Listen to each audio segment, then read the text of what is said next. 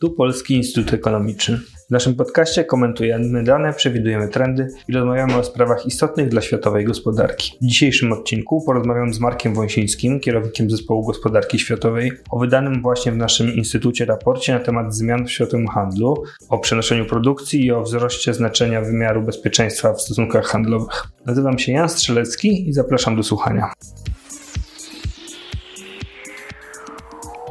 Witaj Marku. Cześć. Wydany właśnie przez nasz zespół raport nosi tytuł długi Dekada bezpieczeństwa ekonomicznego od offshoringu do częściowego friendshoringu. Czy mógłbyś e, wyjaśnić, co oznaczają te pojęcia? Znaczy friendshoring i offshoring, czym się różnią?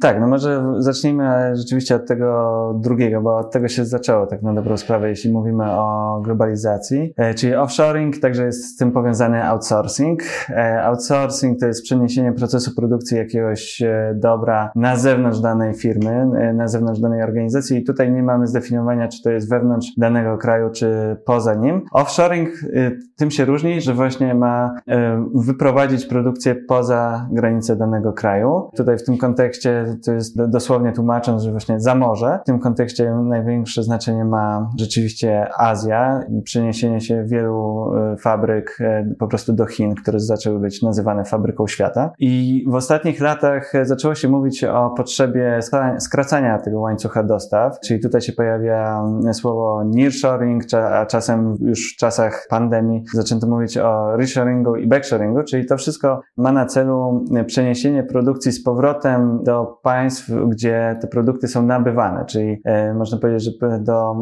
do rynków, docelowych rynków zbytu, czyli żeby ta produkcja była albo tam się odbywała, albo bliżej. Tak na dobrą sprawę mm, szereg czynników miał wpływ na to, że to się zaczęło wydarzać, między innymi znikająca przewaga kosztowa takich państw jak Chiny, ale także mm, potrzeba ochrony własności intelektualnej, czy też y, zmniejszanie ryzyka. Pojawia się teraz friendshoring, który jest odpowiedzią na nowe ryzyko w pełni polityczne związane z inwazją Rosji na Ukrainę. Okazuje się, że nie można już planować e, procesów produkcyjnych niezależnie właśnie od wydarzeń politycznych i tego ryzyka, że dane państwo może zachować się w tak nieprzewidywalny sposób i po prostu niszcząc e, łańcuchy e, dostaw. W związku z tym... Na przykład zatrzymując eksport y, czy y, handel surowcami, tak jak Rosja w tych... Ta, e, tak, dokładnie. W związku z tym friendshoring ma na celu wskazanie państw, które są niepewne, poza Rosją też i przeniesienie produkcji do tych państw, które będzie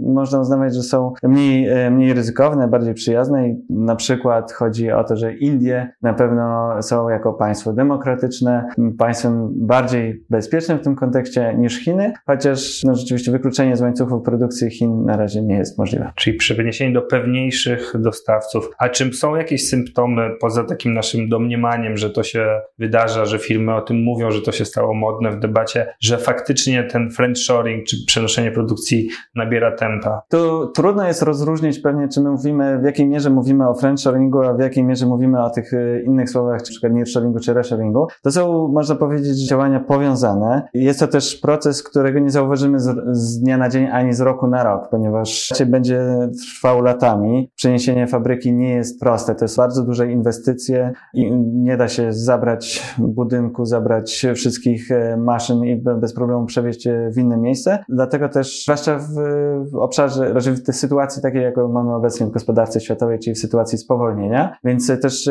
te symptomy będą trudniej zauważalne, ale mimo wszystko je widać. Na przykład są też deklaracje firm. E, Apple jest świetnym przykładem, które przenosi do Indii swoją produkcję, zamierza do 2025 roku przynieść 25% produkcji e, iPhone'ów. Już teraz ogłosił, że we wrześniu, że zacznie tam produkcję najnowszego modelu, co wcześniej się odbywało przede wszystkim właśnie w Chinach. Ponadto zauważyliśmy w inwestycjach zagranicznych, takim szczególiku, czyli w inwestycjach typu Greenfield, które tworzą nowe podmioty gospodarcze. Tu po raz pierwszy od 20 lat, pomijając rok pandemiczny, w zeszłym roku doszło do nadwyżki tego typu inwestycji lokowanych w państwach rozwiniętych, a nie rozwijających się. 142 miliardy dolarów więcej zostało lokowane właśnie w państw, gospodarkach rozwiniętych. I myślę, że to jest taki, taki czynnik, który wskazuje właśnie na to, że coś zaczyna się zmieniać. Wcześniej te, te Chiny e, przewodziły w prowadzeniu inwestycji zagranicznych. W porównaniu do 2019 roku e, inwestycje tego typu w Chinach załamały się o prawie połowę.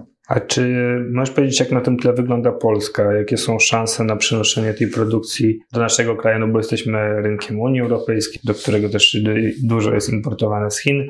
Potencjalnie pasujemy do tego hasła friendshoring jako państwo, które jest blisko rynku docelowego, a także wpisuje się w polityczną, powiedzmy, zgodność z tak zwanym kolektywnym Zachodem. Tak na dobrą sprawę możemy pewnie 24 lutego 2022 roku postawić pewną też też cezurę, jeśli chodzi o te, te szanse Polski w mm, lokalizacji inwestycji, ale ponieważ 2021 rok był rekordowy, jeśli chodzi o lokowanie inwestycji w Polsce, właśnie najnowsze dane NBP wskazują, że ponad 114 miliardów złotych inwestycji zagranicznych napłynęło do Polski, co jest tutaj najwyższą wartością od lat. Na czym polega ta cezura 24, poza tym, że wybuchła wojna? No właśnie wybuch wojny i pogorszenie się sytuacji, jeśli chodzi o zaopatrzenie w surowce energetyczne w całej Europie wskazuje na wysokie ceny energii. Ceny energii będą miały duże znaczenie w, mają duże znaczenie w produkcji przemysłowej, więc pogarsza sytuację makroekonomiczną Polski i całego regionu i w zasadzie daje znak zapytania, na ile opłacalna będzie lokalizacja, ponieważ wcześniej to absolutnie Polska była jednym z czołowych miejsc, które przygarniało nowe inwestycje. Teraz sytuacja makroekonomiczna będzie definiować to, na ile to będzie opłacalne, czyli ceny energii, dostęp do wykwalifikowanej siły roboczej i inflacja. Też koszt tej siły roboczej, e, który do tej pory działał naszą korzyść. Tak, więc, y, no, więc te, te czynniki będą odgrywać dużą rolę i no, niestety, ale kryzys energetyczny w Europie e, może ten potencjalne sprowadzanie produkcji do Polski e, trochę zmniejszyć, chociaż w tym roku opublikowany indeks, może taki ranking najle- najbardziej dogodnych lokalizacji inwestycji wskazywał Polskę na dziewiątym miejscu, czyli awans od względem właśnie takiego rankingu, który był przygotowywany wcześniej, który wskazywał na potencjalne lokalizacje offshoringowe. E, Chiny w ramach porównania tych rankingów spadły z czwartego na 30 miejsce, co pokazuje, że właśnie różne firmy konsultingowe też zauważają tę zmianę i uwzględnienie w ramach łańcuchów produkcji, w ramach decyzji korporacyjnych e, ryzyka politycznego w ramach tego, gdzie lokować inwestycje. No ale rozumiem, że ten indeks nie uwzględnia jeszcze tego wzrostu wzrostu cen energii, który, o którym mówiłeś. Prawdopodobnie nie uwzględnia tego ryzyka. Rzeczywiście no, trzeba przyznać, że to ryzyko w tej chwili jest oczywiście duże, ale bardzo dużo zależy od tego, w jaki sposób dojdzie do wyjaśnienia sytuacji, chodzi o konflikt na Ukrainie. Tu oczywiście po prostu tego nie wiemy, więc nie, nie, nie wiemy do końca, jak to będzie wyglądać w przyszłości. Powiedziałeś, że jednym z takich kluczowych motywów przenoszenia produkcji jest uniezależnienie się czy zabezpieczenie się na wypadek przerw w dostawach e, surowców i towarów, produktów. Czy mógłbyś powiedzieć, duża część tego raportu dotyczy tej kwestii, w tej chwili od czego Unia Europejska jest najbardziej zależna? Jakich sektorów uzależnienie importowe dotyczy najbardziej? Na pewno warto zaznaczyć, że oczywiście w największej mierze zależymy od importu surowców energetycznych. Tam te zależności są ogromne, ale to, na czym ja bym chciał może się... To jest głównie Rosja. E, to jest głównie Rosja. E, sprawdziliśmy też, badaliśmy te zależności importowe na podstawie przepływu wartości dodanej, czyli nie tradycyjnych statystyk e, pokazujących wielkość eksportu i importu, ale faktycznych przepływów wartości dodanej, czyli bez uwzględniania m.in. reeksportu. Sprawdzając to, ile Unia Europejska zużywa materiałów w swojej produkcji przemysłowej i skąd ona pochodzi, widzimy, że 84% tego zużycia materiałowego pochodzi z albo to jest zużycie krajowe, albo z innych państw Unii Europejskiej, czyli można powiedzieć, że wewnętrzne.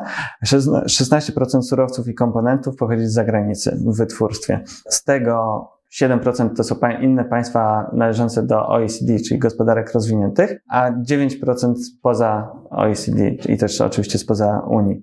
W tym 2% pochodziło z Rosji i Chin po 2%. To nie jest dużo, ale z perspektywy surowców energetycznych to Unia importuje 50% materiałów poza OECD i w tym 15% z Rosji. Więc tu rzeczywiście ten udział Rosji, znaczenie Rosji w przetwórstwie przemysłowym jest oczywiście też znaczące. W innych sektorach było to m.in. 4% jeśli chodzi o metale, 2% jeśli chodzi o sektor chemikaliów. Chiny z kolei odgrywają duże znaczenie, jeśli chodzi o to zaopatrzenie materiałowe w sektorze produkcji komputerów czy urządzeń elektronicznych. Można badać też drugą stronę tych zależności, czyli to, jak zależymy nie tylko od y, materiałów, które do nas przychodzą, ale także od tego, ile inne gospodarki na świecie nabywają produktów z Unii Europejskiej. To też tworzy zależności i Chiny chętnie wykorzystują zależności wielkich korporacji od rynku, dużego rynku chińskiego i naciskają na te korporacje, żeby na przykład przekazywały technologie, czy też dokonywały innych decyzji inwestycyjnych. I tu widzimy, że Unia Europejska jest dwukrotnie bardziej zależna od Stanów Zjednoczonych, jeśli chodzi o popyt państw spoza OECD. W Stanach Zjednoczonych zostawało 9 na 10 e, wydawanych dolarów, jeśli chodzi właśnie o taką wytworzoną wartość dodaną, a podczas w Unii Europejskiej zostawało 83% tej wytworzonej wartości dodanej. Do Chin trafiało 2%, a do Rosji niecały 1%. Więc tutaj widzimy, że Chiny mają dość duże znaczenie, jeśli chodzi o to, jakie produkty z Unii Europejskiej nabywają. Zrobiliśmy też jeszcze jedno badanie na tych tradycyjnych statystykach, ale na bardzo szczegółowym poziomie produktowym i tu stwierdziliśmy, że wyłoniliśmy 345 e, produktów, e, które niewielu dostawców do Unii Europejskiej i jednocześnie Unia Europejska nie ma dużego potencjału produkcyjnego tych towarów. Te towary stanowią prawie 7,5% unijnego importu. Gdy wyeliminujemy z tej, grupy produkty z sektorów takich jak żywność czy tekstylia, czyli mniej kluczowych dla współczesnej mhm. gospodarki, no to zostaje nam około 100 produktów o wartości ponad 4% importu spoza Unii. No i tu widzimy, że w tych krytycznych produktach jest duże znaczenie e, importu spoza państw OECD, 87% e, wśród tych produktów, czego co czwarty pochodził z Chin, a z Rosji 6%. Szczególnym przypadkiem są surowce krytyczne, na które warto będzie patrzeć i zabezpieczyć łańcuch dostaw, ponieważ 85% dostaw 11 z 19 kluczowych surowców krytycznych pochodzi z Chin. No właśnie, w raporcie jest taka ciekawa tabela, która pokazuje te surowce krytyczne, które wykorzystywane są w sektorze odnawialnych źródeł energii, bo jest nadzieja, że obecnie trwający kryzys energetyczny no, można zażegnać, albo po pierwsze może się przyczynić do wzrostu popularności OZE, a poza tym można go zażegnać, łagodzić poprzez wzrost tej wytwórczości z odnawialnych źródeł energii. Ta tabela pokazuje, jak bardzo w imporcie metali ziem rzadkich, kobaltu, magnezu, litu, czyli tych między innymi surowców, które są wykorzystywane w OZE, jesteśmy zależni od Chin. E, powiedz, czy Twoim zdaniem jest faktycznie tak, że mamy szybką drogę do uzyskania niezależności energetycznej poprzez właśnie rozwój OZE? Czy to uzależnienie od importu tych surowców krytycznych z Chin nas jednak będzie tutaj blokować? E, no na pewno nas potencjalnie blokuje, bo na razie nie mówimy tutaj o przerwaniu dostaw e, z Chin, ale patrzymy na to jako na strategiczną zależność, na można powiedzieć ryzyko, które trzeba uwzględniać w ramach rozwoju odnawialnych źródeł energii i konieczności zagwarantowania zabezpieczenia tego łańcucha dostaw. Unia Europejska przygotowuje strategie z tym e, związane.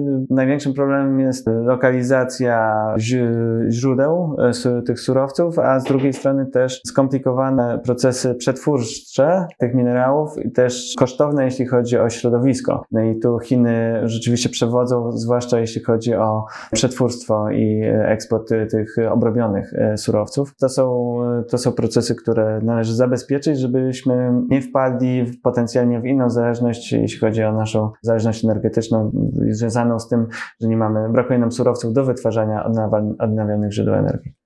Czy mm, tak podsumowując, chciałem Cię zapytać o to, czy myślisz, że te właśnie zmiany, o których powiedziałeś, cezura 24 lutego, agresja rosyjska, pełnoskalowa inwazja na Ukrainę i związane z tym zmiany, wzrost znaczenia tego aspektu bezpieczeństwa w handlu międzynarodowym, to jest zmiana trwała, która się utrzyma i będzie tak motywować właśnie do tej dywersyfikacji dostaw? Czy to jest jakaś taka chwilowy, chwilowy zwrot i w dłuższym okresie będziemy jednak obserwowali powrót do tej, tej tradycyjnej globalizacji opartej opartej na czysto kosztowej regulacji, bez, bez uwzględniania tego aspektu bezpieczeństwa, który za, za, za jakoś tam ten aspekt czysto rynkowej gry nam zakłóca.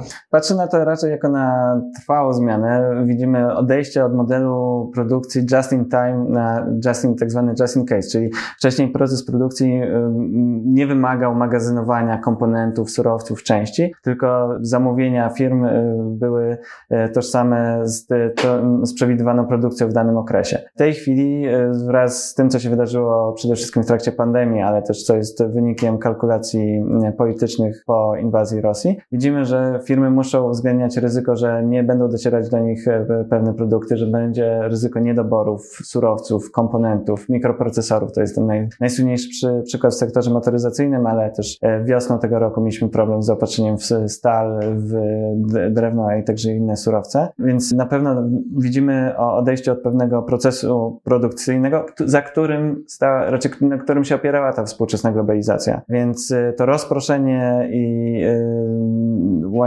y, tej sieci produkcyjnej łańcuchów dostaw będzie się y, być może trochę zmniejszać, ale na pewno będzie wymagało większych kosztów magazynowania, a także zabezpieczenia dostawców, czyli że na przykład, żeby nigdy nie było dostaw tylko z jednego źródła, ale żeby było kilka źródeł dostaw, czyli mamy do czynienia z dywersyfikacją. I można powiedzieć, że tak jak Richard Baldwin wskazywał na triadę barier, e, które znikały w ramach postępu globalizacji, czyli bariera transportowa, bariera wymiany idei i bariera przenoszenia się ludzi. I ta ostatnia, czyli właśnie przenoszenia się ludzi, Baldwin wskazywał, że to znika na naszych oczach. No to mam wrażenie, że wraz z podziałem świata na te bloki państw, które są ryzykowne, mamy do czynienia z ponownym y, narastaniem tych barier w pewnym zakresie, tak? Czyli, że powiedzmy handel Unii Europejskiej ze Stanami Zjednoczonymi, czy Australią, czy Nową Zelandią nie będzie miał cały czas barier, ale z takimi państwami jak Chiny, no to od pięciu lat y, są cła